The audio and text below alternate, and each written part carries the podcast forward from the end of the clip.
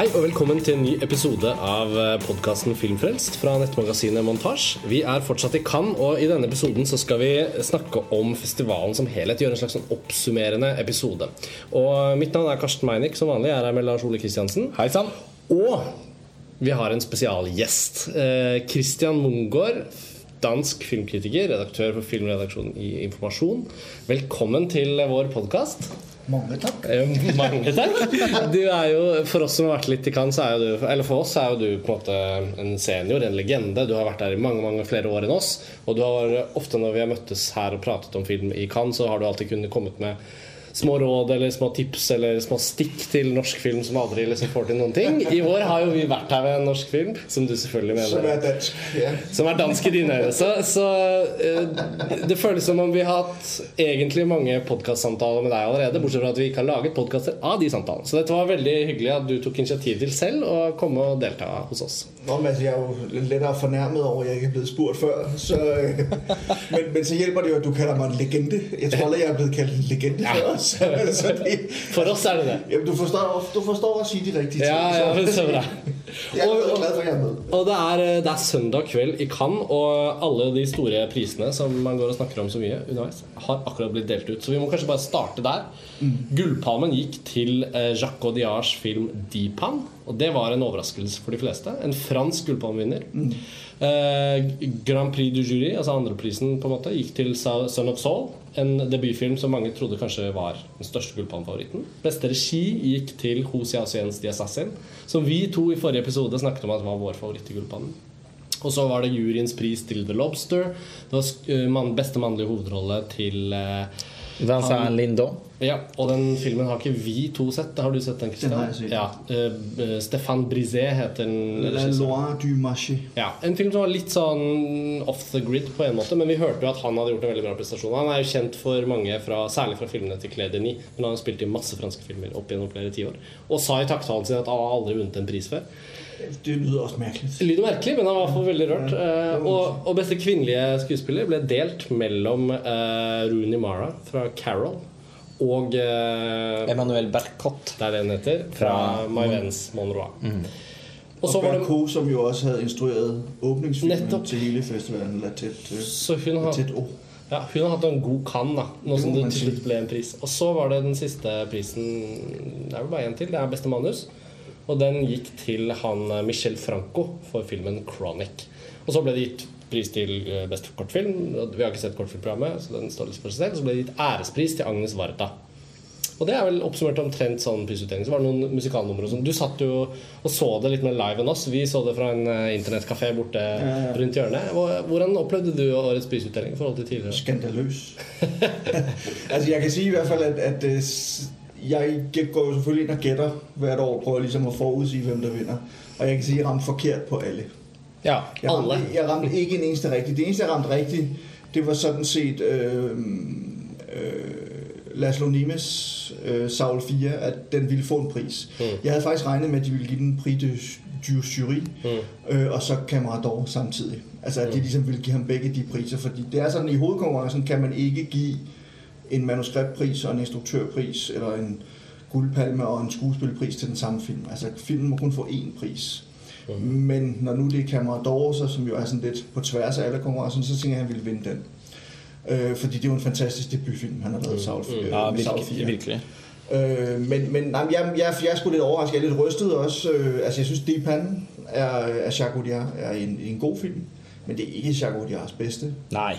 Øh, altså han, han er jo en fantastisk billedmager, og de to skuespillere, som jo er ikke professionelle skuespillere, begge fra Sri Lanka, så vidt jeg ved, øh, gør det også godt, og alt det der, og der er nogle fantastiske visuelle ting i den, og det er jo en stærk historie på mange måder, men den er ikke på, på niveau med Rust og Ben, øh, eller med, øh, med især selvfølgelig er profeten med Profeten, som var fantastisk. Jeg må eh, innrømme at jeg tenkte etter å ha sett Deepan, som jeg også synes var en god film, men ikke noe mer enn en det. Jeg syns den hadde ganske mange problemer, særlig mot slutten.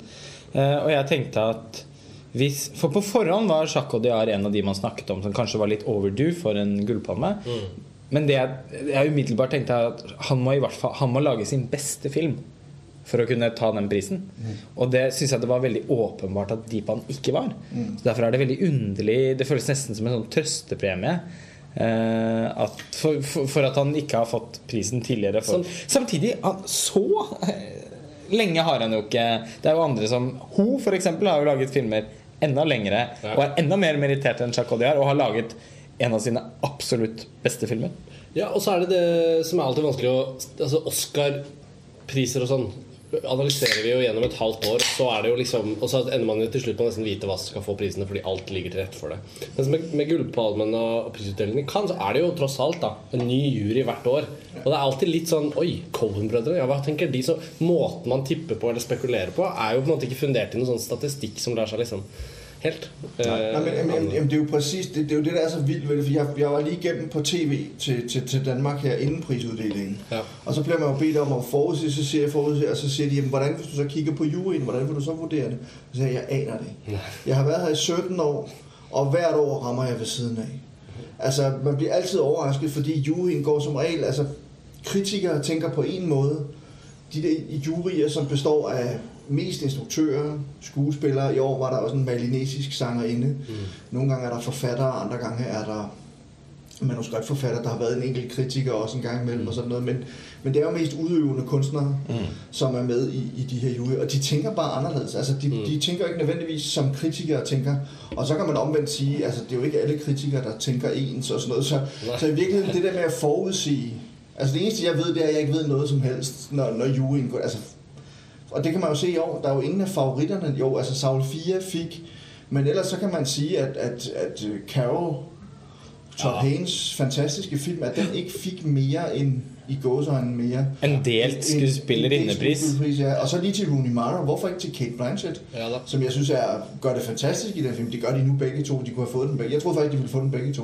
Ja, jeg jeg tenkte også det. Okay, så deler de prisen, men det var så noget, en helt anden. Ja. Men hun er helt fantastisk, hun Emmanuel Bercotta i Manoa Ja, faktisk, til det My var- Venn. det var veldig bra. Etter at vi så Manoa, litt eh, senere enn eh, mange andre eh, på festivalen, eh, så det første jeg sa når vi kom ut av visningen, er at denne filmen kommer til å få en pris. Det er en Og- sånn film. Ja, det er en sånn film.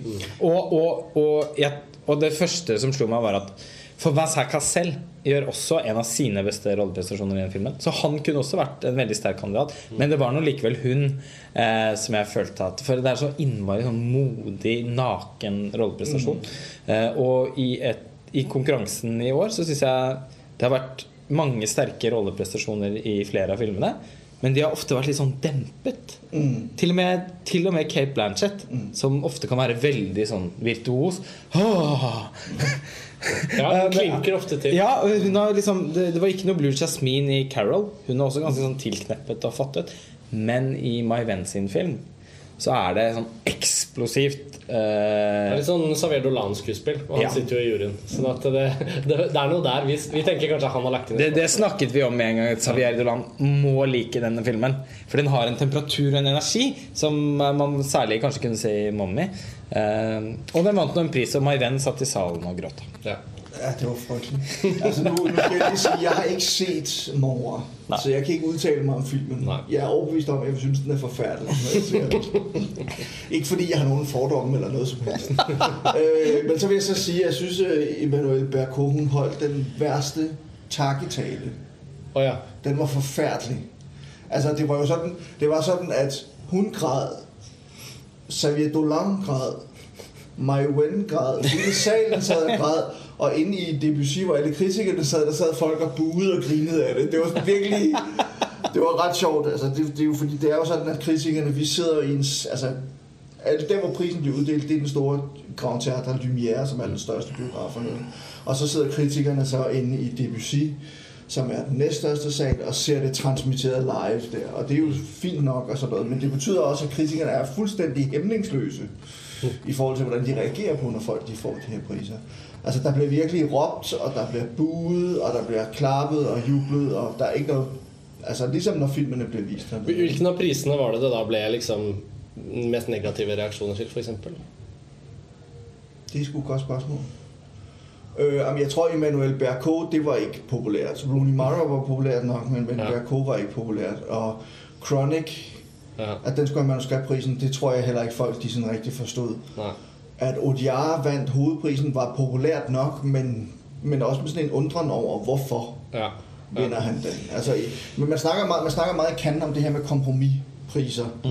Altså at der måske har været halvdelen af juryen vil gerne give den til Saul 4, og den anden halvdel af juryen vil måske gerne give den til en anden film. men Man kan ikke blive enige om det, og så finder man et kompromis, som alle kan enes om. Mm. Og det, var sådan, det kunne godt have været en film som Carol, for eksempel, fordi den er, Ja. den er jo meget politisk korrekt også. Mm. Samtidig, jeg synes, det er en vældig god film. Jeg synes, den er fortjent at vinde bare for at være Carol. Er helt enig. Men det kunne også godt have været en film, man kunne have enedes om, hvis man ikke kunne ligesom Ja. mødes omkring to andre. Og Todd Haynes, eh, som, som er vel så respektert som eh, Jacques Audiard, eh, kunne jo også vært en filmskaper som en jury kunne blitt enige om å velge å anerkjenne. Todd Haynes er jo også veldig Uh, Husker jeg du og jeg snakket om i en tidligere eh, Cannes-episode, Karsten, at han er litt sånn udekorert. Han har vunnet veldig få priser.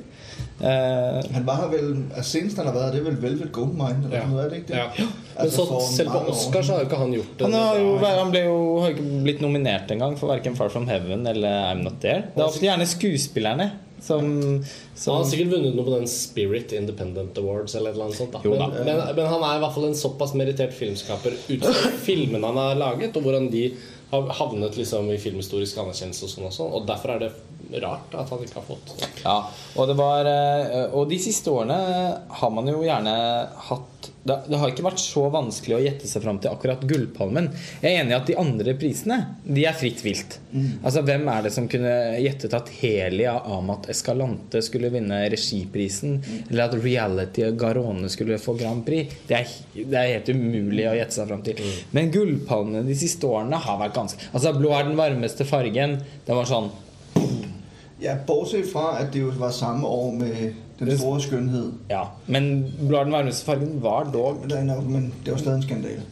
Ja, jeg synes, det er en fantastisk film. Jeg synes, Ja. Den store skønhed skulle. Du syns det? Fortsatt? Ja, det synes, jeg, det. Det som fall syns at den skulle fått Grand Prix, i hvert fall. Men det som, i hvert fall- det som i hvert fall var en skandale, var jo at den store skjønnheten til Ikke fikk noen ting. ikke fikk noen ting. Ja, det er en skandale. Og nå har Sorrentino vært her med en ny film og heller ikke fått noen ting. Og vi vet jo at det er din favoritt fra jeg lige og kiggede faktisk på, hva han har vunnet. Han vant uh, Prix du, du Jury For Il Divo. for Il Divo, Ja, okay. ja. uh, og, og, så, 2009. og så fikk han den uh, økumeniske pris for sin første engelskspråkede film, den med Sean Penn, som Ja. The Place. Uh, This must be the This place. must be the place. Der fik han den økumeniske pris. Det har så ikke noget med Interessant. hovedjuryen at gøre. Men... Interessant at den fikk den Jo, men det handler vel om den slutten der. Ja. eh, Med, i forhold til Det er vel en sånn krigsforbryter ja. eh, som kommer inn der. Og den Men, økonomiske pris er den kirkelige pris. Ja, nettopp. Ja. Felles kirkelige pris. Ja. Men altså, eh, altså Men Blå er den varmeste fargen var i hvert fall et, godt eksempel på en gullpalme som veldig mange var, både var enige om og tenkte at kom til å vinne Gullpalmen. Som vi har diskutert tidligere, de tre årene der, Tree of Life, Amor, Adele ja, altså Det er ganske åpenbare gullpalmekandidater. også. Amur, det var også en skandale. Det var jo jakten der skulle ha vunnet.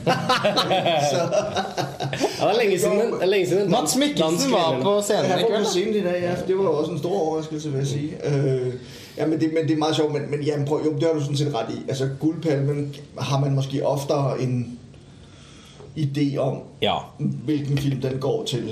Der er selvfølgelig nogle år, hvor man virkelig er blevet overrasket, ikke? Øh, men, men det er de andre priser, som er sådan lidt... Men, men det er meget interessant netop det, fordi de har den der regel med, at en film ikke må vinde to priser. Mm. Så bliver det ofte også, at de prøver ligesom at det fordele det ud på de film, som ligesom... Og der kan man sige, der synes jeg så stadigvæk i år, at de har overset i hvert fald et par stykker, ikke? ja, det synes jeg. Øh, Inside Out for eksempel blev fuldstændig overset, ikke? Øh, Men den var jo ikke med i konkurrencen, så den kunne det vel kunne ikke godt have vundet lidt alligevel. Vi fikk ikke sett Inside Out, men Det er den eh, nye Pixar-filmen, da, hvis noen lurer. Er- Ja, og det er en film som vi har veldig store forventninger til, men som Den hadde få visninger og kolliderte med filmer i hovedkonkurransen vi følte vi var helt nødt til å se. Eh, men jeg vet at du har sett den, og det virker jo som det er helt sinnssykt at den ikke var med i hovedkonkurransen. Ja, men det er, nemlig, det er nemlig en anden interessant ting. Altså ikke fordi vi skal fordype oss i den, men jeg tenker bare, at det er en anden ting, som er litt sjov, at, at den kunne godt have været med i hovedkonkurrencen. Mm. Altså, den, den, ville have været bedre at have med end, end nogle af... Altså, der var et par af de franske film, som jeg personligt godt kunne have undværet i hovedkonkurrencen. Mm.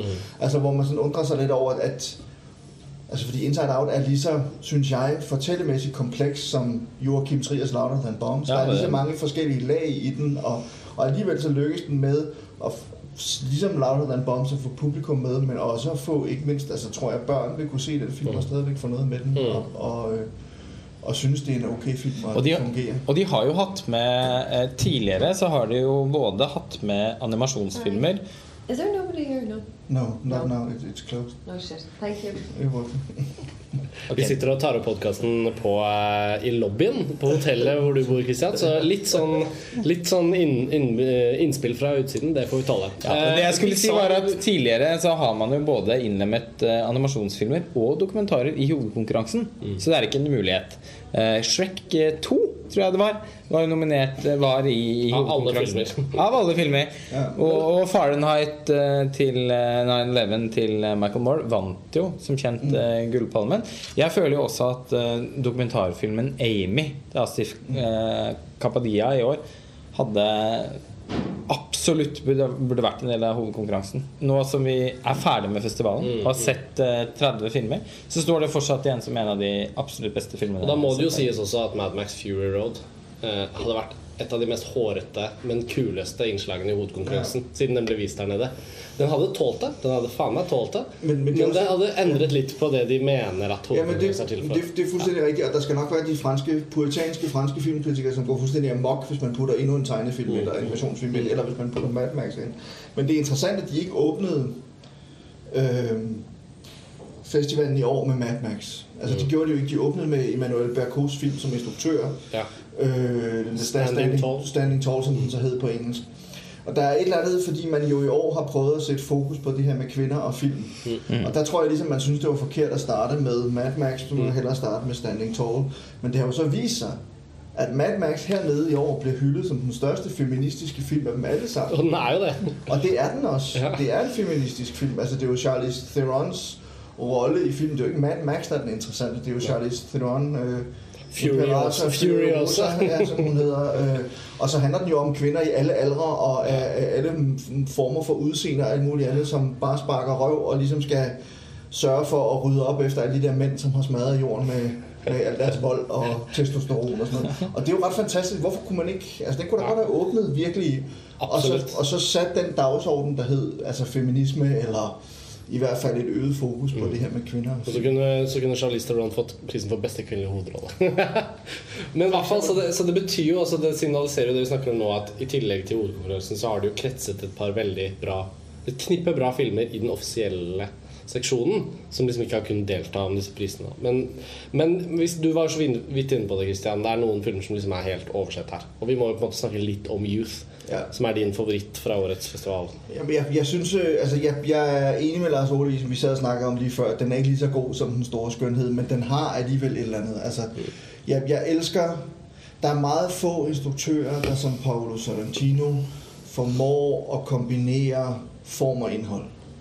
Altså, at hvor formen er lige så vigtig, eller fortæller lige så meget af historien, som replikkerne eller handlingen i filmen gør. Altså, jeg synes, jeg synes den, er, den er helt fantastisk, jeg synes, hans...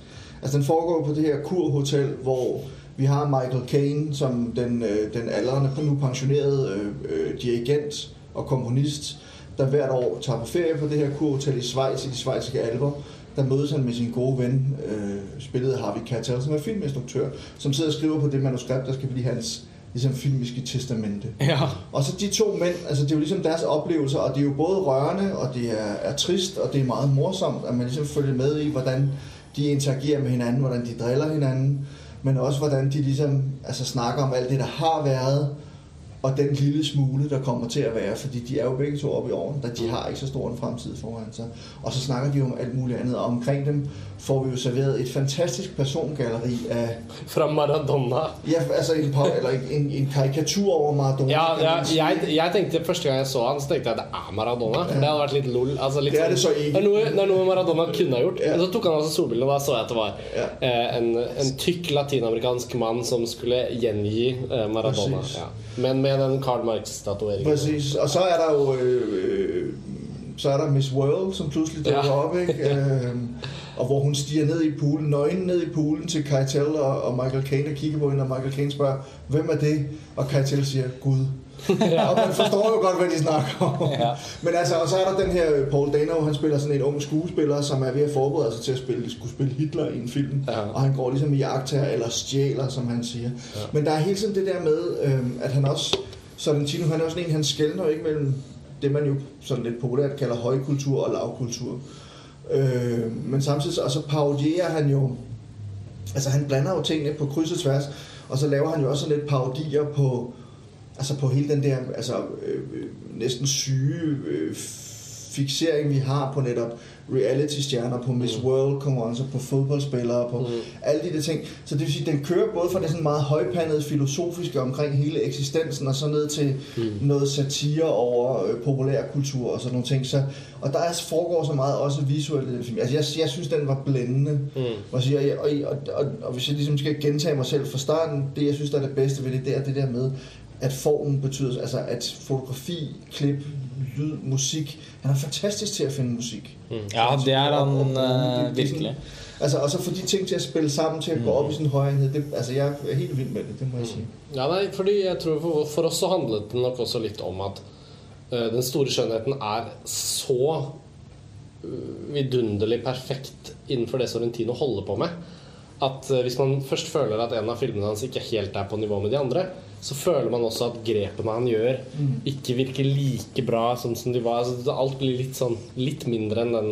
Og, og den store skjønnheten som i tillegg foregår på italiensk, føles da føles det også som om estetikken og stilen og de valgene har noe sånn italiensk temperatur over seg, som går i ett med språket og hvordan de opp, liksom, og Roma og sånn. Det er så mange ting som, som, som føles mer eh, enhetlig. Og jeg følte kanskje at Youth også var en litt sånn film som hadde mange elementer, men ikke helt ble et måltid. Altså sånn det sveitsiske landskapet, det hotellet, det var liksom én Og så var det noe med Sorrentinos grep, som var én ting. Og så var det liksom skuespillerne og kjente amerikanere, men også ikke kjente folk som kom. Så det var så mange ting Mange av de mest sånn eh, typiske, veldig sånn virtuose sekvensene man forbinder med Sorrentino, de i, foregår i denne filmen i sånn, i, i drø, som, som drømmer. Altså i drømmesekvenser. Nettopp fordi at settingen som du er inne på, Karsten, eh, den er litt mer begrenset da enn det Roma var i Den store skjønnheten. Og det er i utgangspunktet interessant. Eh, For det hotellet kan på en måte ikke gjøres mer med enn de gjør. nei, og han gjør ganske mye med det, Ja, for han skal henter sies. nytt svømmebasseng og nytt massasjested. Altså sånn, det er Altså, ikke måte på hvor mye han Nei, og uh, mise en scène i filmen er utsøkt, som alltid hos Sorrentino. Og jeg er enig med Christian at uh, bruken hans av musikk har alltid både en emosjonell og en ironiserende effekt. Og han jeg, I i det hele tatt så syns jeg Sorrentino er en ganske glimrende satiriker. Men jeg syns nok ikke Jepp Gambardella, da, som er hovedkarakteren i Den store skjønnheten, spilt av Tony Servillo uh, Han syns jeg var så perfekt liksom tegnet. Mens eh, Michael Caine sin karakter i, og, og ikke bare var han perfekt tegnet, han syns også var utforsket gjennom filmens narrativ. I Youth så elsker Michael Caine som skuespiller og syns at han gjør en, en praktfull rolletolkning. Som nå husker jeg ikke navnet på Fred noe et eller annet. Frank uh, er Fred Fred og jeg kan ikke huske, om det er Mike, han heter. Nei. Billinger? Bellinger? Bill, Bell, Fred, Fred Bellinger. Noe sånt. Ja. Ja. Han er liksom- Komponist, hvert han er liksom kjent òg. Ja. Uh, litt som Jepp Gambardella er en sånn Og dirigent. Ja. Uh, ja, Han er vel ikke nødvendigvis en kjent forfatter i Den store skjønnheten, men i visse kjent kretser eh, Ja, og i visse kretser en, fortsatt en respektert figur pga. en roman som ble utgitt for 30-40 år siden. Eh, men Michael Caine Jeg føler også at han, han er, Jeg syns han er fint tegnet, men jeg føler ikke helt at filmen klarer å utforske han. Jeg synes, I denne filmen så syns jeg faktisk at, uh, at Sorrentino for, roter seg litt bort på overflaten. Og ikke helt kommer inn under huden på karakterene. Det er, veldig, det er et veldig stort rollegalleri. Og det er mange som er interessante. Jeg syns Rachel Weisz var kjempegod i filmen. Hun spiller datteren til Michael Ja. Caines. Og, det, og den relasjonen mellom dem syns jeg var veldig spennende.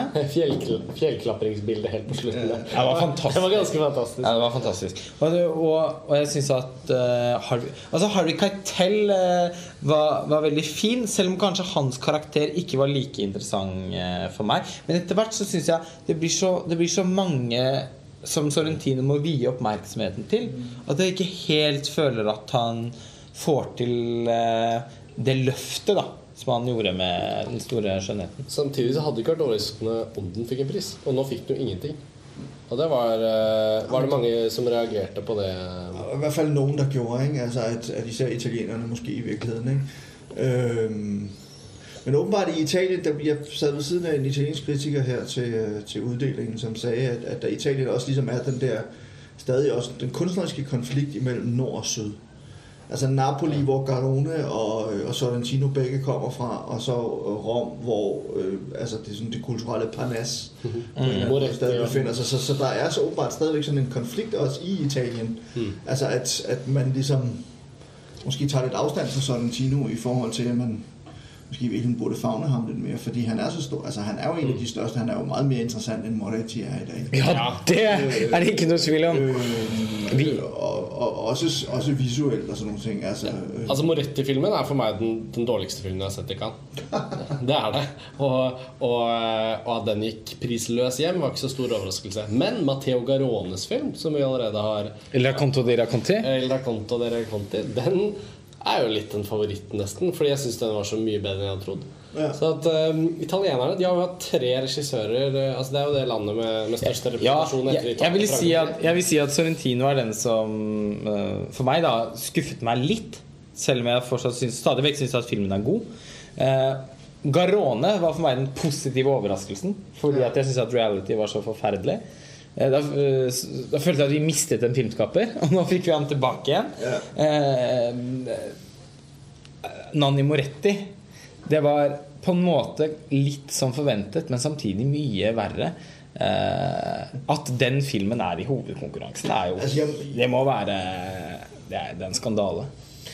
det er jo så på grund af Moretti selv. Men jeg vil så si Ja, jeg, kunne meget godt lide den.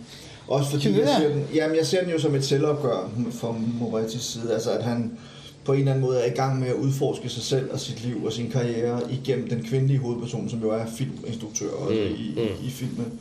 Og at han øh, er både i gang med på en eller anden måde at sige farvel til sin... Øh, øh, jeg, fik lige, jeg har lige fået en sms fra Mads Mikkelsen, kan jeg fortælle. Ja, oi.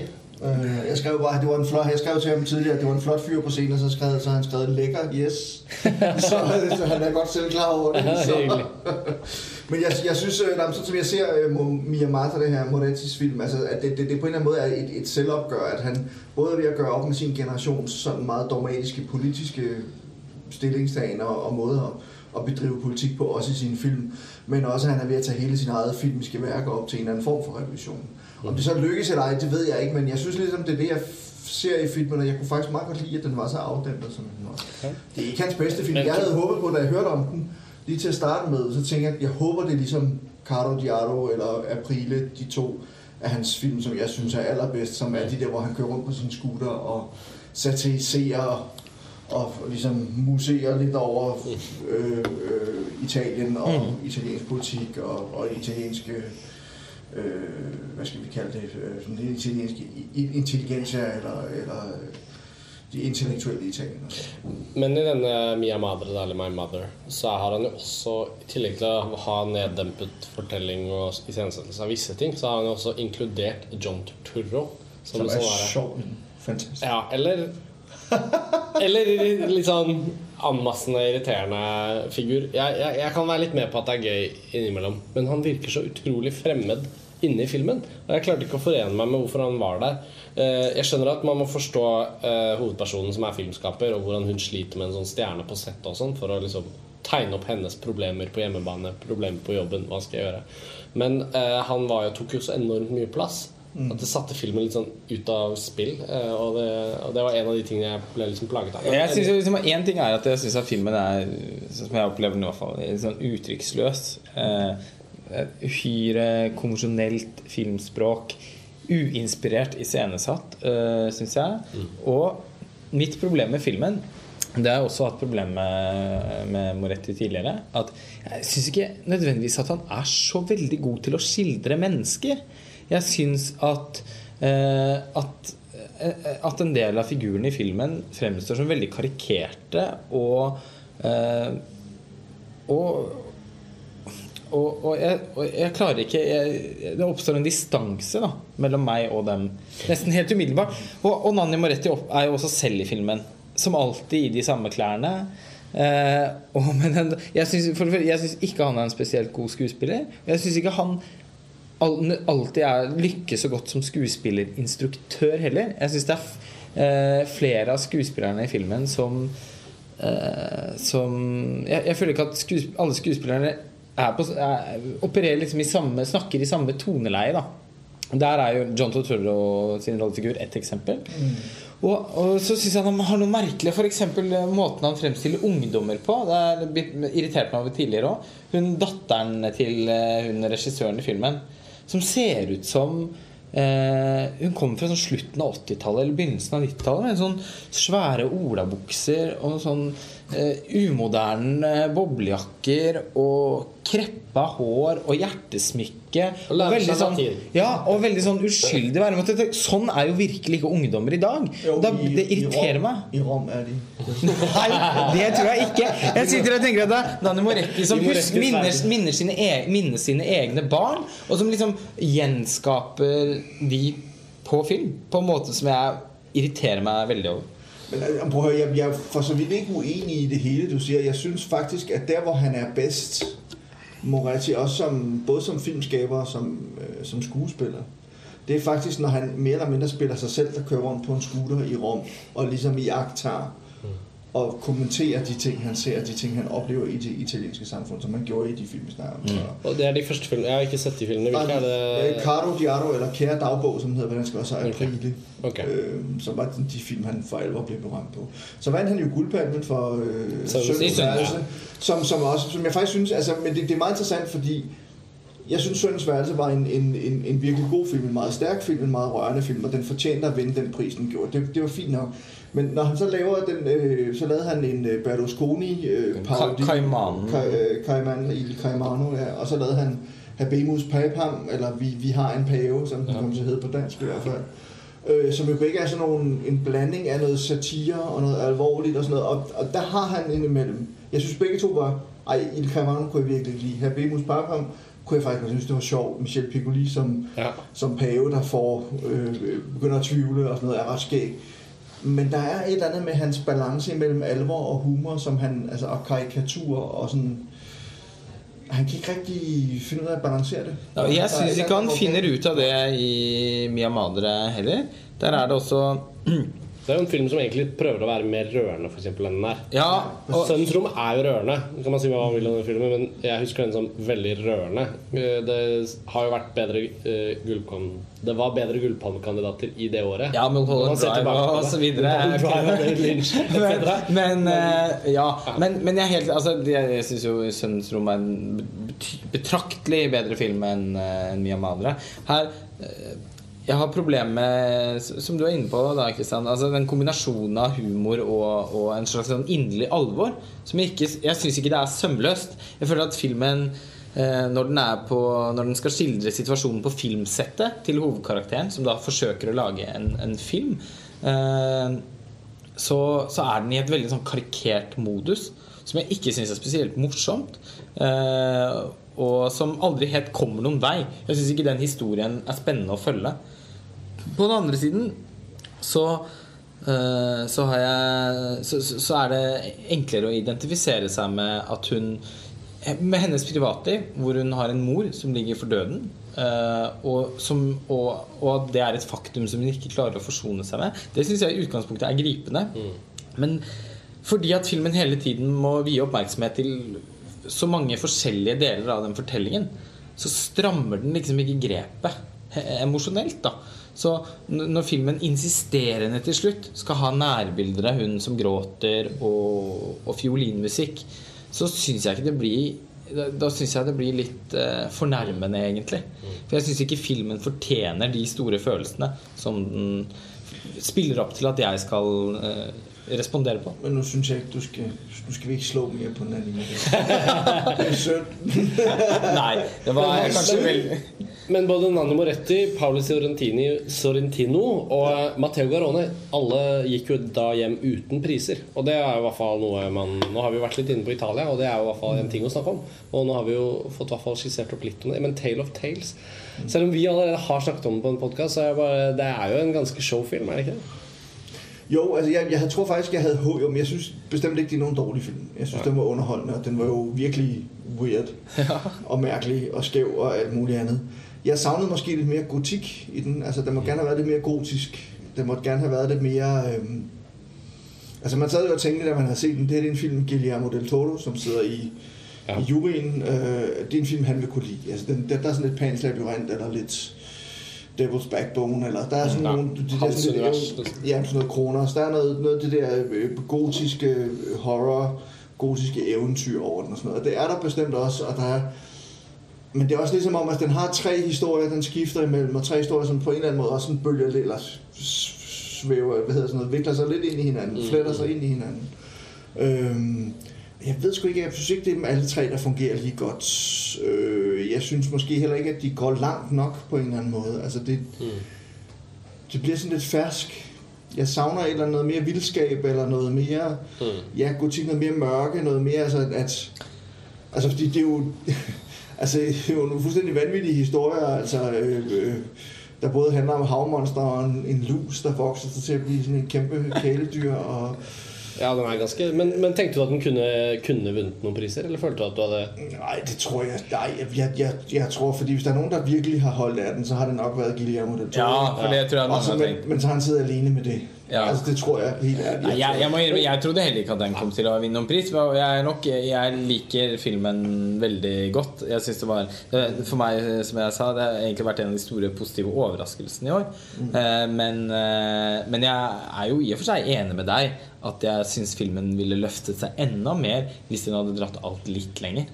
Eh, Um, Jeg bare tenker fordi det er jo liksom Det er jo ikke bare det. det er jo, altså Louder Than Bombs har jo heller ikke fått pris. Nei, Altså det Mange av de jo- egentlig mer sånn solide filmene. Sicario. Ja, Sicario, som var jævlig bra. Den fikk Det jeg var en sett. virkelig god film, Ja. Hva, de tipsene du hadde Du fikk jo ingen rett. Jeg hadde ingen Hva, kan du bare, Husker du hva det var du tippet? Omtrent? Jamen, altså, jeg hadde jo som sagt gjettet på, at Saul 4 måske ville vinde Prix du Jury plus ja. øh, Camera d'Or. Ja. Jeg hadde håpet på, at Villeneuve han måske hadde fået instruktionsprisen. Ja. Det kunne fortsatt. Fordi den er fantastisk i scenesat, synes jeg. Altså, mise en scene i den film er vi, altså, jeg synes virkelig, den er god. Jeg havde håbet på, at øh, Todd Haynes måske havde fået en, pris, eller at Kate Blanchett havde fået en pris. Mm. Jeg havde håbet på, at Youth ville have fået øh, hovedprisen, og så måske Carol få, øh, hvad hedder den, Grand Prix. Øh, Mm. mm. så, så, og så øh, skuespillermæssigt, der havde jeg, jeg, jeg kunne godt have ondt Michael Caine at vinde bedste mandlige, og så Kate Blanchett vinde bedste kvindelige. Mm. Men så er der så det der med, hvad skulle, øh, så kunne Carol så ikke have fået flere priser, så skulle man finde på noget andet. Ikke? Så det, det er sådan lidt, nogle gange lidt svært, synes jeg, men, men, øh, men jeg, jeg er overrasket over, at Louder Than Bombs havde faktisk regnet med, at ville få manuskriptprisen. Mm. Ja, for det var det er mange oss som har tænkt. mange sagt om det. Fordi det, altså, det skulle ret godt manuskript. Øh, og det er, jo- altså, det er jo selvfølgelig enormt godt klippet, dansk klipper selvfølgelig. Men, men øh, altså, altså, man kan jo bare sige, at, at, at alle, alle de der lag og sådan noget der, der er selvfølgelig meget af det, der er opstået i klipperummet, da de har siddet og lavet den. Øh, men, men, øh, men der er jo også noget af det, eller meget af det må jo også have været Eskil Fugt og, og Joachim Triers manuskript. Altså, De er jo lavet de her ting. Kjent for å skrive veldig detaljert det Ja. de har av ideer, selv om alltid ting endrer seg i klippen. Og sånn Og de får til veldig mye når de endrer ting i klippen. Så, altså. Men, men, men den, altså, det er nok de to film, hvor man sammen med Youth, så er jeg nok mest ked af Sicario, mm. som altså er Den- Denis Villeneuve's Mm. sådan Som er en sånn thriller. mainstream action-thriller. Ja, men, men det der var er inter- enormt interessant med ham, hvis man ser på både Enemy og Prisoners mm. og Arsandi og så videre, altså han, han, har, han er jo en fantastisk genre med, han kan sit genre Mm. Men det handler jo alle, altså det er jo alle sammen sådan nogle meget mørke portrætter af mennesker, altså i, i, i nogle forfærdelige situationer. Altså han går ind og, og ligesom undersøger sådan noget moral og etik. Altså mennesker, som er helt ude på kanten, som er presset. Hvor langt vil de gå for at opnå et mål? Hvor langt vil de gå for ligesom at... Altså, hvornår helliger målet midlerne? Mm. Og Sånn som i. Prisoners, liksom, i hvor stor grad for eksempel med Hugh Jackmans karakter. Hvor langt kan man tillade seg å gå, ikke? For å straffe den, man tror Eller har... forsøke å redde. uh, Eller forsøke å redde sine barn børn og, og straffe den, som måske, måske ikke har taget børnene. Ja. Altså, øh, og, det, og det samme er her handler det jo om, om, om, om krigen mot narko, og hvor langt vil man gå? Altså, man, hun, man kan sige, hovedpersonen spillet af Emily Blunt er en FBI-agent, som kan se, at de lovlydige metoder, de benytter sig af FBI, de virker ikke. Mm. Og så kommer øh, Josh Brolin og Benicio del Toro ind, og de leder sådan en hemmelig øh, gruppe under CIA, som så gør alt det, FBI ikke må gøre, i håbet om, at det så virker. Men det gør det jo heller ikke. Men spørgsmålet er, hvor langt vil man gå?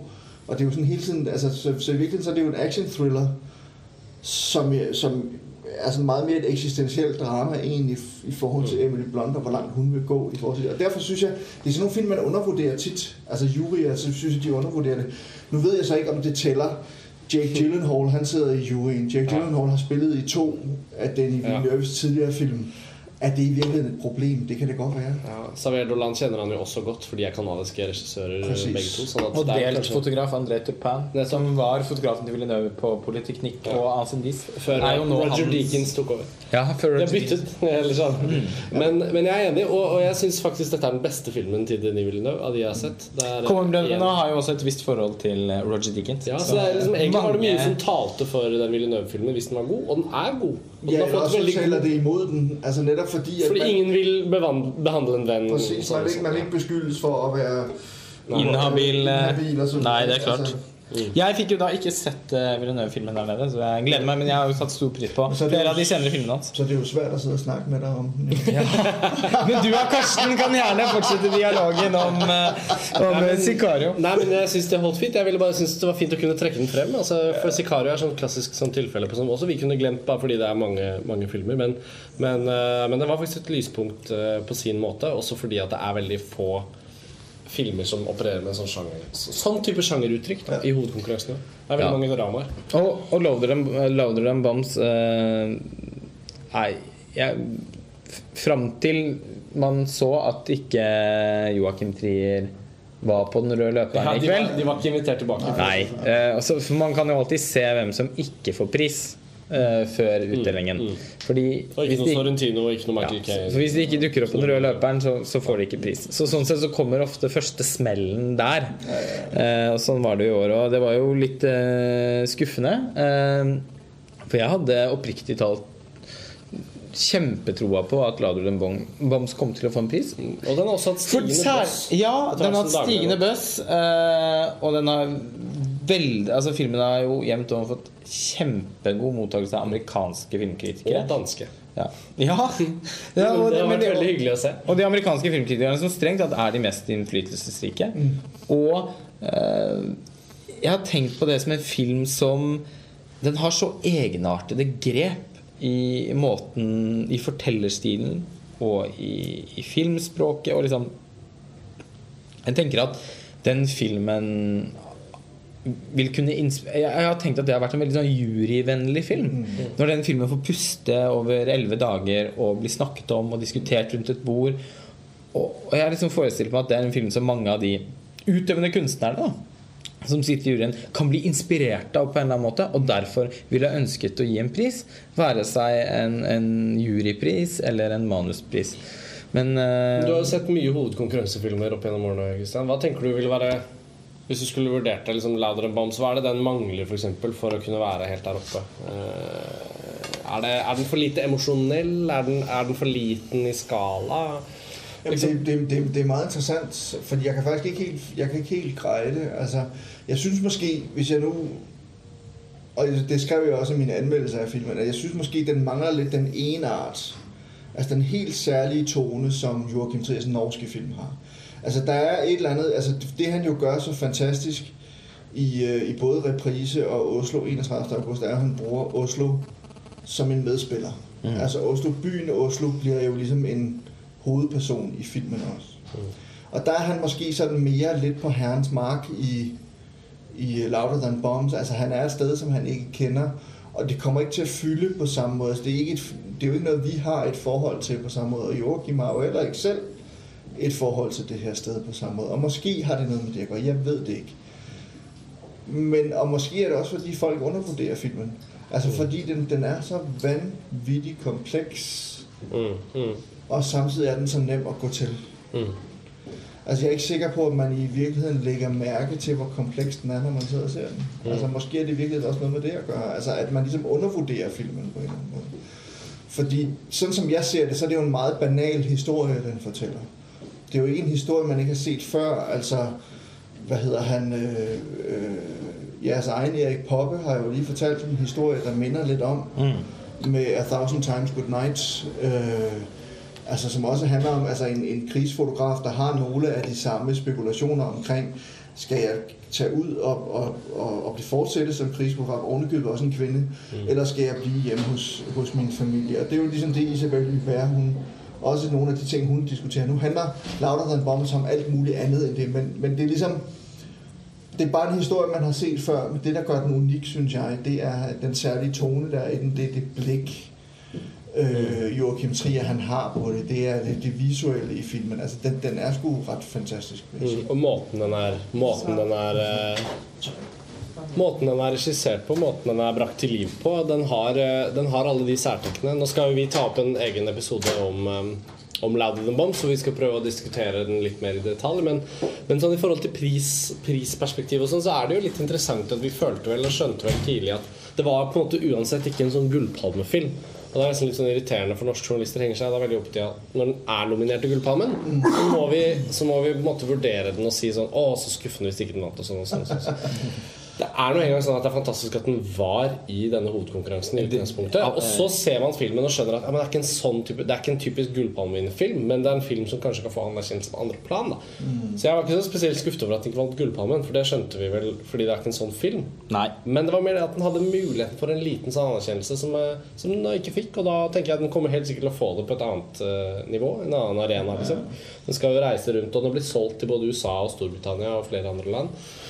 Nå, men det er, jo, det, er jo stadig, det er jo stadig en god film. Altså, Mm. Men jeg kan godt undre, altså, det, men sådan er det jo altid. Vi sidder jo alle sammen med vores favoritter, og så ser man på, hvem har vundet, og så tænker man, hvorfor har den vundet? Hvorfor, hvorfor fik Chronic manuskriptprisen? Hvorfor gjorde Louder Bombs ikke i stedet for? Altså sådan noget kan godt undre mig for eksempel. Ikke? Altså, så, så, men, men, men sådan vil det jo altid være. Det er jo sådan et, igen det der med, det er jo, man kan ikke forudsige, hvordan jury de vil Nei, stemme det er, på. det er helt de umulig. Ja. De, altså, og hvis man det, Jeg tror vel at alle rundt bordet her har vært i juryer selv også. Ikke en så staselig jury som, eh, i, som vi kan. Christian er dog i Palm Dog. Ha, har vært i Palm Dog-juryen en, en del år. Så Jeg har faktisk også siddet i kritikerjuryen her i Canada. Ja, Ja. Ja. Ja. Men, men altså, nei, nei, men men det er... Man kjenner jo til prosessen. prosessen. Altså det å Samles rundt noen eh, Ja, og det, det handler ofte ikke så mye om filmenes kvalitet i seg selv. Det handler veldig ofte om hvilke samtaler som oppstår rundt filmene, og hva man eh, samlet kan bli enige om at representerer liksom juryens samtale. Hvilken rett, I hvilken retning har samtalen pekt? Eh, hvilken film har samtalen pekt mot i løpet av eh, så og så mange dager? Og, og, og sånn sett så er det umulig å forutse de prisene. Men, ja, men der, der er en ting, som jeg faktisk synes er rett interessant, og det var noe, du, du snakket litt om det tidligere, Lars Ole, og, jeg, jeg kan huske, at jeg efter, da der var gået cirka halvdelen av festivalen, så tenkte jeg litt over det. Der er virkelig mange film hernede i år, som er meget, det jeg vil kalde nennsomt fortalt. Mm. Meget stille fortalt. De gør ikke sådan et stort væsen af sig med skuespillere, som råber og skriger, eller store fantastiske effekter, eller et filmsprog, som bare brager dig ud af og vælter alting og vender filmsproget på hovedet, eller filmmediet på hovedet. Altså, Louder Than Bombs, Carol, øhm, til en vis grad Youth, er jo, er jo film, som tager meget store, alvorlige ting op og diskutere dem på en spændende måde, på en begavet måde, øh, og som har noget at sige om den verden, vi lever i, og de mennesker, vi nogle gange er. Mm. Men de gør det meget afdæmpet. Mm. Du snakkede lidt om det i forbindelse med Carol. Mm. Altså med Kate Blanchetts præstation, at det er meget sådan afdæmpet på en eller anden måde. Ja. Men det er nogle af de her film også, og så sidder jeg og tænker på, om man i sådan en jury, altså det man husker, er det Saul 4, fordi det er helvede på jorden, den skildrer. Altså, den tager os med ned der, hvor... Altså, den tager os med ned i helvede, ned til, til djævlen selv Ja. på en eller anden måde. Og man sidder på ryggen af det her stakkels menneske hele vejen igennem filmen, og ligesom oplever hele nazisternes udryddelsesmaskine igennem det her ene menneske. Altså, og man får det virkelig ind der, hvor det gør ondt, synes jeg. Mm. Altså, det er ret brutalt at se. Og, og, og der kan man sige, at nogle af de andre film, vi, vi snakkede om her, som godt kunne altså Carol og, og Louder Than Bombs, er jo ikke brutale film. Det er jo ikke film, opsigtsvækkende film. Det er jo ikke film, som virkelig gør, gør væsen af sig. Nei. Og, det er, og, og hvis, vi nå, hvis vi nå flytter oss vekk fra, fra prisutdelingen over til Cannes-årgangen som helhet, så kan vi jo kanskje ta en runde på hvordan vi, vi opplever at 2015 eh, Årgangen. Årgangen har, eh, har vært i Cannes, fordi eh, Og nå føler jeg allerede vi er inne på en, En av, en, en, tre, en ganske tydelig trend i år. At det er ganske mange av filmene som som du sier, Kristian, som ikke gjør så veldig mye vesen ut av seg. Uh, som er ganske Ikke nødvendigvis subtile, men i hvert fall dempet. Litt tilbakeholdne i uttrykket sitt. Uh, det er også noe av årsaken til at det har vært vanskeligere å spå en gullpalmevinner i år. Det har ikke vært en sånn Det har ikke vært et lynnedslag underveis. Jeg eh, syns at at 2015 har vært et år i Cannes hvor det jevnt over har vært et høyt nivå. Jeg syns det er flere år 2013 f.eks. som jeg synes var en virkelig svak årgang. Selv om vi fikk Adele. ja, da fikk vi Adele, og vi fikk Den store skjønnheten. Eh, og og, og riktignok et par andre filmer til òg som var veldig bra. Men da var det så innmari mange sånn virkelig svake filmer i hovedkonkurransen. Eh, mens i år så syns jeg ikke det er tilfellet. Nå fikk vi sett den Nanni Moretti-filmen i dag, som, eh, som både da jeg og Karsten var veldig kritiske til. Som i og for seg har fått mye fin mottakelse ellers. Eh, så så det, er, det er verdt å nevne. Men eh, det har jo vært Jeg syns hovedkonkurransen har ligget på sånn jevnt, behagelig høyt nivå. Vi har unngått noen av de verste katastrofene. Vi så ikke Marguerite og Julien. Det var den verste katastrofen. ja. Og vi så ikke The Sea of Trees til Gus Van Sant. Den var også, jeg synes, det var urettferdig, den hårde medfart, den har fået. Men Ja. Det var det, ja. Ja, ja, men det, altså, sådan er det jo tit.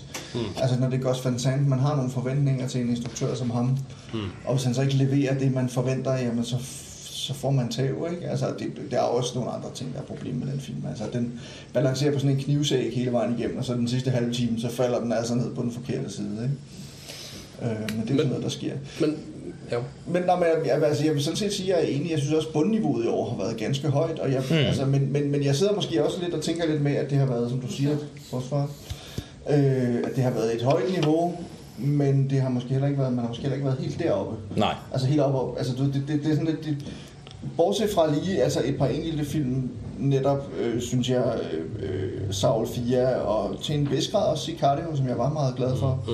og hvor jeg også ligesom kunne fornemme den i maven og sådan nogle ting, og så Youth for mit vedkommende. Mm. Altså det var sådan tre film i hovedkonkurrencen, hvor jeg sådan, og Carol til en vis grad også, og Louder Than Bombs, men alligevel de var så, der er en interessant ting, vi er nødt til at sige i forhold til hele det her med Cannes, som, som jeg har observeret også igen efter at have været hernede så mange år, det er, jeg synes ikke altid, man kan stole på sig selv, når man ser film hernede. Altså ofte, nogle gange så kan man blive meget negativ over for en film, når man så ser, fordi man, vi ser jo et sted mellem 3 og 5 film om dagen mm. hernede, Mm. i 10 dage i træk. Øh, jeg har set lige under 30 film hernede i år. Det er lidt færre, end jeg plejer, men, men det betyder også, at, at nogle gange så, øh, man havner i sådan en festival groove, hvor man, der skal måske mindre til at begejstre en, eller også skal der mere til at begejstre en. Man kan måske ikke altid stole på sig selv, når man er meget glad for en film. Så kommer man hjem og ser den derhjemme, så er man måske slet ikke så glad for den, eller omvendt. Mm. Man er meget negativ over for en film, så kommer man hjem og ser den derhjemme, og så tænker man, hold da helt ferie, hvor er den fantastisk. Men det er altså så sant. Jeg har erfart det hvert Cannes-syndromet. Eh, det, det, det slår til hvert eneste år. For meg er det som regel sånn at jeg syns at film er mer kritisk til filmer her nede. Eh, nettopp fordi visningsforholdene er som de er. Man må ofte stå i to timer kø. Eh, vi må i hvert fall det. For å eh, Christian har selvfølgelig en sånn helt fantastisk eh, akkreditering. Det har ikke vi. Så vi må krige litt for å komme oss inn på hver eneste visning. Det ta, Tar tid, det. tar tid, og det tar energi. Eh, det er saler hvor Man får ikke den visning rytmen på kaffe og bagett og sånn som man skulle ønske. Nei, eh, det er også enkelte saler her eh, hvor man kan få ganske ugunstige plasser, så det nesten oppleves som å se filmen på en TV. Hvis man havner øverst oppe på balkongen i Lumière-palasset f.eks., som hender at vi gjør det, det er en del ting som, som ofte kan komme i veien for den helt sånn rene filmopplevelsen. Og eh, hvert eneste år så opplever jeg at filmer som jeg har sett i Cannes, vokser når jeg ser det igjen når jeg kommer hjem. Nå, også fordi hvis man sidder og ser eksempel øh, altså man, man sidder måske og ser meget lange, tre meget lange film i løpet av en dag, eller fire meget lange filmer. den siste er dem, ligegyldig om man synes, det er en fantastisk film eller ei, så sidder man måske og slumrer litt hen, man blir litt trett, man opplever den ikke rent på den måde, som man ville have gjort, hvis, hvis det var den eneste film, man så på en dag Nej. hjemme i Oslo eller i København. Nej. Altså, så, så, så der er sådan nogle gange, så bliver det sådan lidt, man skal trække lidt fra, eller ligge lidt til, øh, og filmene, de kan få andre karakterer i det øjeblik, man så ser dem derhjemme.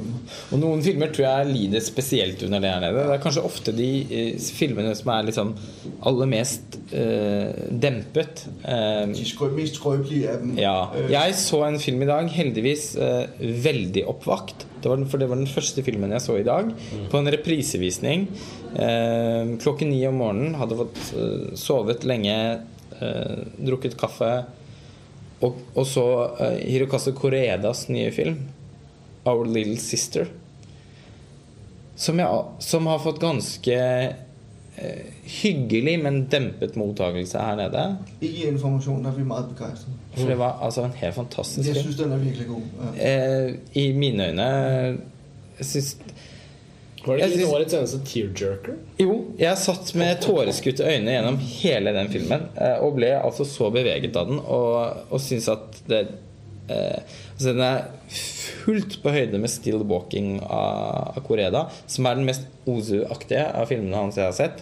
Og, og for min rent personlig syns jeg den var enda bedre. Eh, den minnet meg om Den minnet meg om Ozu, og den minnet meg også om eh, Studio Ghibli. Når de ikke lager fantasi, altså fantasiunivers, men mer From Up on Poppy Hill. Og, ja, og. Yes og Only Yesterday til Isao Takahata. Og den hadde en sånn Jeg ble altså så rørt av den filmen. Og den var så nydelig spilt og så klokt og eh, klokt observert og fantastisk flott skrevet. Den var altså så god. Og det er faktisk, jeg tror, det var den første konkurrencefilm, jeg så hernede. Og det, den har jeg faktisk helt glemt, men det har du fuldstændig ret i. Det er jeg synes også, det er en virkelig god film. Og Jeg synes, kender, det er en av de beste i Og hvis man kender Koreeda, altså Hirokazu, så er det jo altså Nobody, Nobody Knows, som er hans, nok et af hans store Ja, men den er veldig en veldig tøff film å Ja, se. Den er ganske annerledes. Men, men og så øh, den, der hed den med Like Father, Like Son, der kom for et par år siden, som også ble vist hernede. Ja, den, og den var jeg litt mer avmålt til. Øh... Den kunne jeg så også virkelig godt lide, men han har bare et eller annet altså først har han et eller annet med børn, han har noe med familier, og så har han faktisk, øh, øh, jeg kom sånn til, mens jeg sad og så den, så kom jeg til å tenke på, at der finnes en japansk tegneserietegner, øh, som jeg plutselig ikke kan huske, hva hedder nå, men, men som laver netop sånn nogle skildringer af sådan det der japanske hverdagsliv på en eller anden mm. måde, altså hvor det bare får lov til at være de her ikke sådan specielt, det er ikke noget med, at vi kører op og ned i drama og sådan noget, vi følger bare, altså det her handler det om fire, i kd Edas film handler det om fire søstre og deres liv i løbet af et år. Mm. Og andet sker der sådan set ikke. Men der er jo selvfølgelig alle de der dramaer, som vi alle sammen oplever i vores mm. liv, og med sorger og glæder og fortiden, der pludselig optræder, og ting, man skal gøre op med, og sådan noget, som er ret fantastisk. Den mindede mig også lidt om Lasse Hallstrøms to Bullerbørn film, hvis I nogensinde har set dem. Om jeg har det er, åh, Hvor morsomt det er at du, at du nevner de. Eh, Jeg anser jo de to Det, da. Alle har vi barn i Bullebyen, og mer om oss barn i Bullebyen av Lasse Hallstrøm eh, er jo to av mine favorittfilmer. Jeg syns det er eh, kanskje den aller fineste skildringen av barndom som Ja, noensinne er gjort på film. Og det er jo to film, som bare handler om børn, der leker på to forskellige årstider. Uten noe mer. Det er det som er så fantastisk med Og, og det er sånn litt det, jeg også sånn ser jeg også litt med den her nye Koreeda her, øh, vår lille søster. Altså, at, at den har litt noen av de samme kvaliteter, det der med, at man bare observerer. Mm. Man er på en måde bare en flue på væggen i de her menneskers liv. Mm. Og det synes jeg også er fantastisk, men der var mange, der ikke synes, den var noget særligt. Synes, Nej. den var okay, den var fin, den var sød, men så heller ikke mere. Men er jeg var den- meget mere Er begejstret. det Ja. i den kategorien som kanskje når folk får se den på en pressevisning før jul, den skal gå på kino, og så sitter Precis. man hjemme i vinterlandskapet, og så ser man den, og så blir alle grepet, og så får den toppkarakterer. Ja, for det er, det er derfor jeg nevner den. At det tror jeg er en film som eh, har et litt sånn dårlig utgangspunkt i, i Cannes. Men jeg syns også det er så morsomt at du nevner Lilla Salstrøm-filmen. Jeg er jo da veldig stor fan av både Mitt liv som hund og, og, og, og Bullebyen-filmene. Nei, ikke fullt så. Nei. Eh, Jeg syns at Lasse Halstrøm også har laget ganske mange dårlige filmer, spesielt senere i karrieren. Men, men altså, de tre er helt fantastiske. Og jeg vokste jo opp med disse filmene som barn. Eh, Så for meg er også det å se disse eh, Alle vi barn i Bullebyen-filmene en sånn Det er jo ikke Det er jo både Det er liksom nostalgi i den forstand at at jeg så filmene så innmari mange ganger som barn. Jeg elsket jo Astrid Lindgren. Ehm, men når jeg ser dem med et voksenblikk, så er det også en sånn fantastisk påminnelse om hva barndommen er for noe på sitt beste.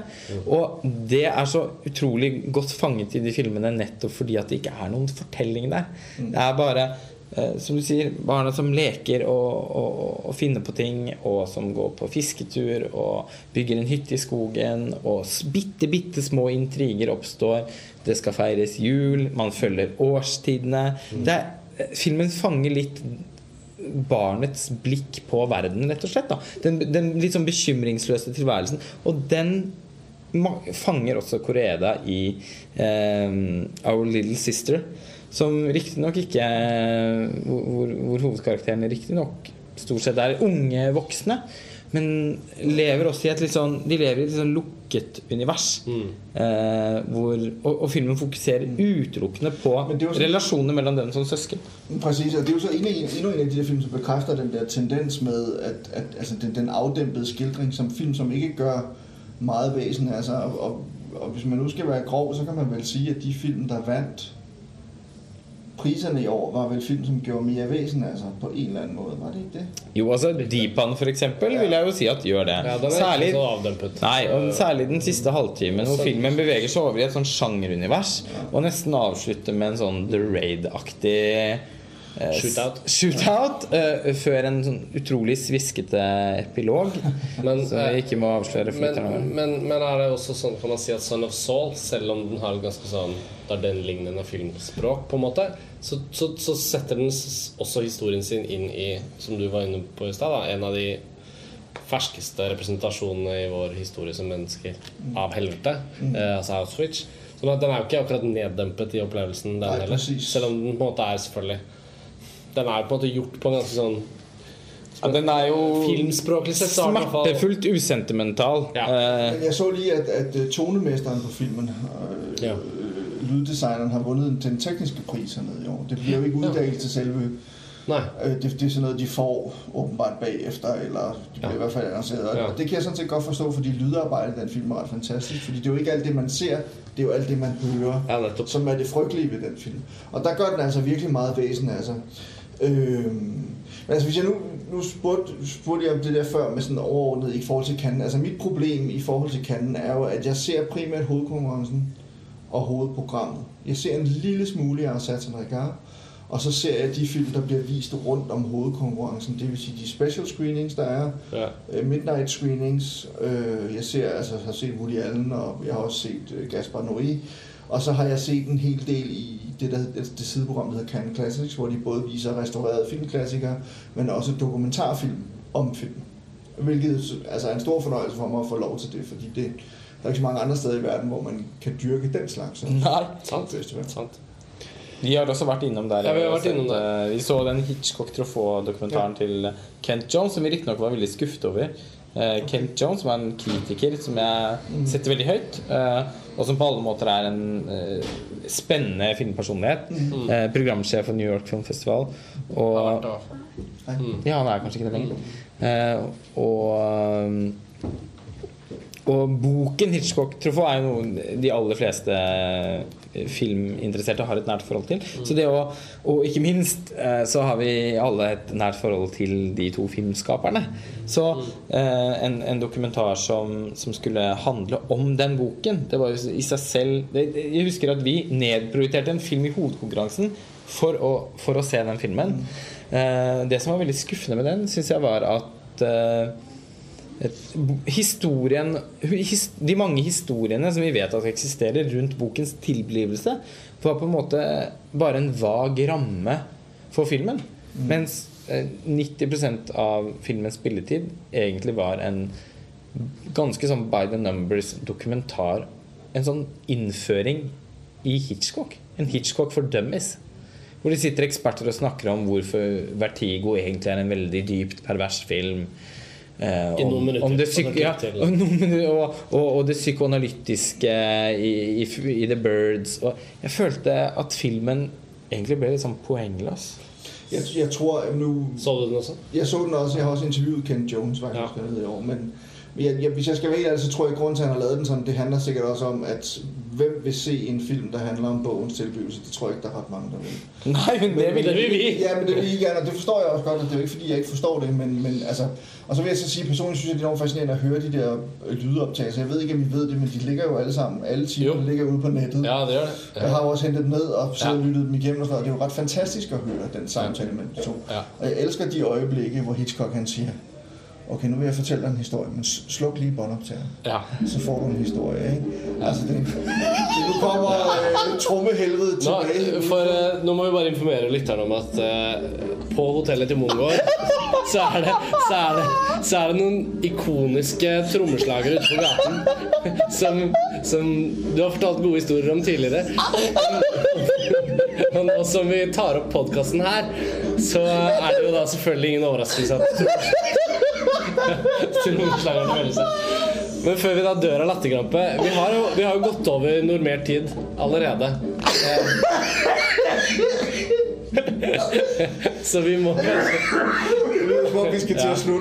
Ja, før Lars Ole omkommer av latter. Eh, eh, det er jo for så vidt egentlig et spennende tema når det, kom, når det kommer til Cannes Classics og sånn. Men nå kommer trommeslagerne til å spille likevel. Eh, og vi har fått snakket om det viktigste. Kan vi ikke hoppe rett på en oppsummerende runde, da?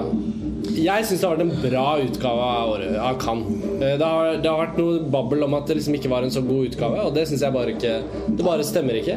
Det er jeg sånn sett enig i. Jeg synes også, det er en overmiddel Ja. Over middels. Ja, over middel, og jeg synes, det har vært Det er jo meget sjovt, når du nævner Koreeda, som jeg fuldstændig hadde glemt, Ja. ja. sted, hvilket er pisse unfair, mm. fordi det er en virkelig god film. Mm. Så virkelig så handler det jo om det der med, at, at der, er bare, der har været en håndfuld eller mere, altså måske 5-10 film i år, som ikke har gjort så meget væsen af sig. Hun fik er heller ikke pris. Og som heller ikke fik nogen priser, men, men som er virkelig gode film. Ja. Altså, det er Louder Than Bombs, og det er øh, øh, Carol, og det er, øh, hvad hedder det, øh, Koreedas film, øh, Our Little Sister. Sicario. Det er Sicario. Sicario går så alligevel mere væsen af sig, fordi det er en genrefilm. Ja, men, men, men, det er rigtigt nok, altså, det, det, det er sådan lidt... Når man ser på filmer som eh, Til og med filmer som ikke nødvendigvis i hvert fall Hverken jeg eller Karsten vet jeg har vært sånn kjempebegeistret for, sånn som The Lobster f.eks. Mm. Det var jeg moderat begeistret for, men jeg syns likevel det er en interessant film. Og, ja, og den var både morsom å se og morsom å snakke om etterpå. Eh, en film som Chronic også, som ikke løftet seg helt. Jeg syns jo den regissøren Michel Franco sin forrige film, 'After Lucia', eller, som, som vant Unset Gar i 2012, var for meg en langt sterkere film enn Chronic. Men jeg syns likevel at det er noe i, i, i måten han velger å fortelle historien på, og, og måten han eh, tilslører informasjon på underveis og sånn som er interessant. Det er en, det, det, det er en god film. Og, så derfor syns jeg jeg er enig i det, selv om jeg vet at eh, Jeg vet at jeg og Karsten har unngått noen av de verste liksom, katastrofene, da. eh, i, i årets konkurranse. Men vi har sett alle filmene bortsett fra tre. Ja. Og så har vi sett veldig mye, egentlig, syns jeg, i andre programmer òg, totalt sett. da Ja, i Kritikeruken og Kansan og- og Kansan. Har vært veldig sterk i år. Så at øh, jeg, jeg føler at Nei, så konklusjonen er Totalt sett så syns jeg det, det, det, Som du sa i stad, Christian, at liksom Ja, ok, det, det eksisterer vel også et absolutt bunnivå som ikke jeg tror vi har vært helt i nærheten av. Men det laveste nivået i år har vært noenlunde høyt. Og mange, de fleste filmene i hovedkonkurransen har vært både verdt å se og verdt å snakke om etterpå. Og det er ikke alle årene som er sånn. De årene, Vi har jo bare vært her i fem år, i motsetning til dine 17.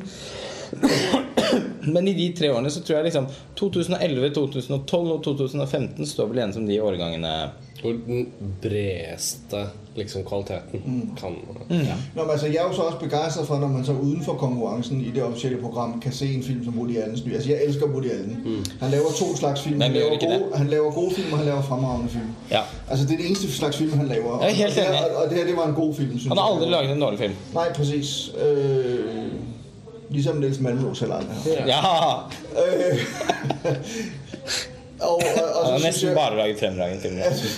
og så Inside Out, som jo, altså Pixars nye film, som jeg også synes var helt fantastisk. Mm. Altså, så, altså, nej, jeg har haft mange gode oplevelser med hjem, mm. øh, synes jeg bestemt. Øh, nu har jeg været med i den her podcast også. Det ja, bliver- er en fin... det er jo formentlig højdepunktet. Det skal i hvert fall bli en tradisjon, tenker Ja, det tenker jeg vi må altså, gjøre. jeg synes da, I skulle da også have en guldpalme. Det skulle I da. Ja. Det er Takk.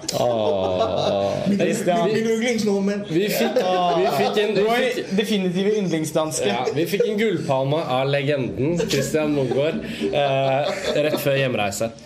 La oss si at det var siste ord. da Det var hyggelig avslutning. Eh, Vi kommer tilbake med en podkast som låner den Bombs. Ja, Den blir en separat liksom, en inngående diskusjon fra vår side om filmen. Men når det var sagt, så har vi da på en måte oppsummert årets Cannes-festival og prisene og i det hele tatt. Eh, her var det jo utrolig mange perspektiver vi kom inn på. Så hvis det er noen kommentarer eller innspill til dette, så må dere bare fyre- løs. eller noen spørsmål. Vi har jo også da sett en del flere filmer enn vi har snakket om. Ja. Vi skal også skrive en sånn dialogartikkel. Ja, Eh, Vi er i ferd med å skrive den, så den vil bli publisert i løpet av få dager. Så jeg vil tro at mange av filmene vi ikke har snakket om på podkastene, vil få litt Ja. eh, oppmerksomhet der. Men som sagt, bare spør.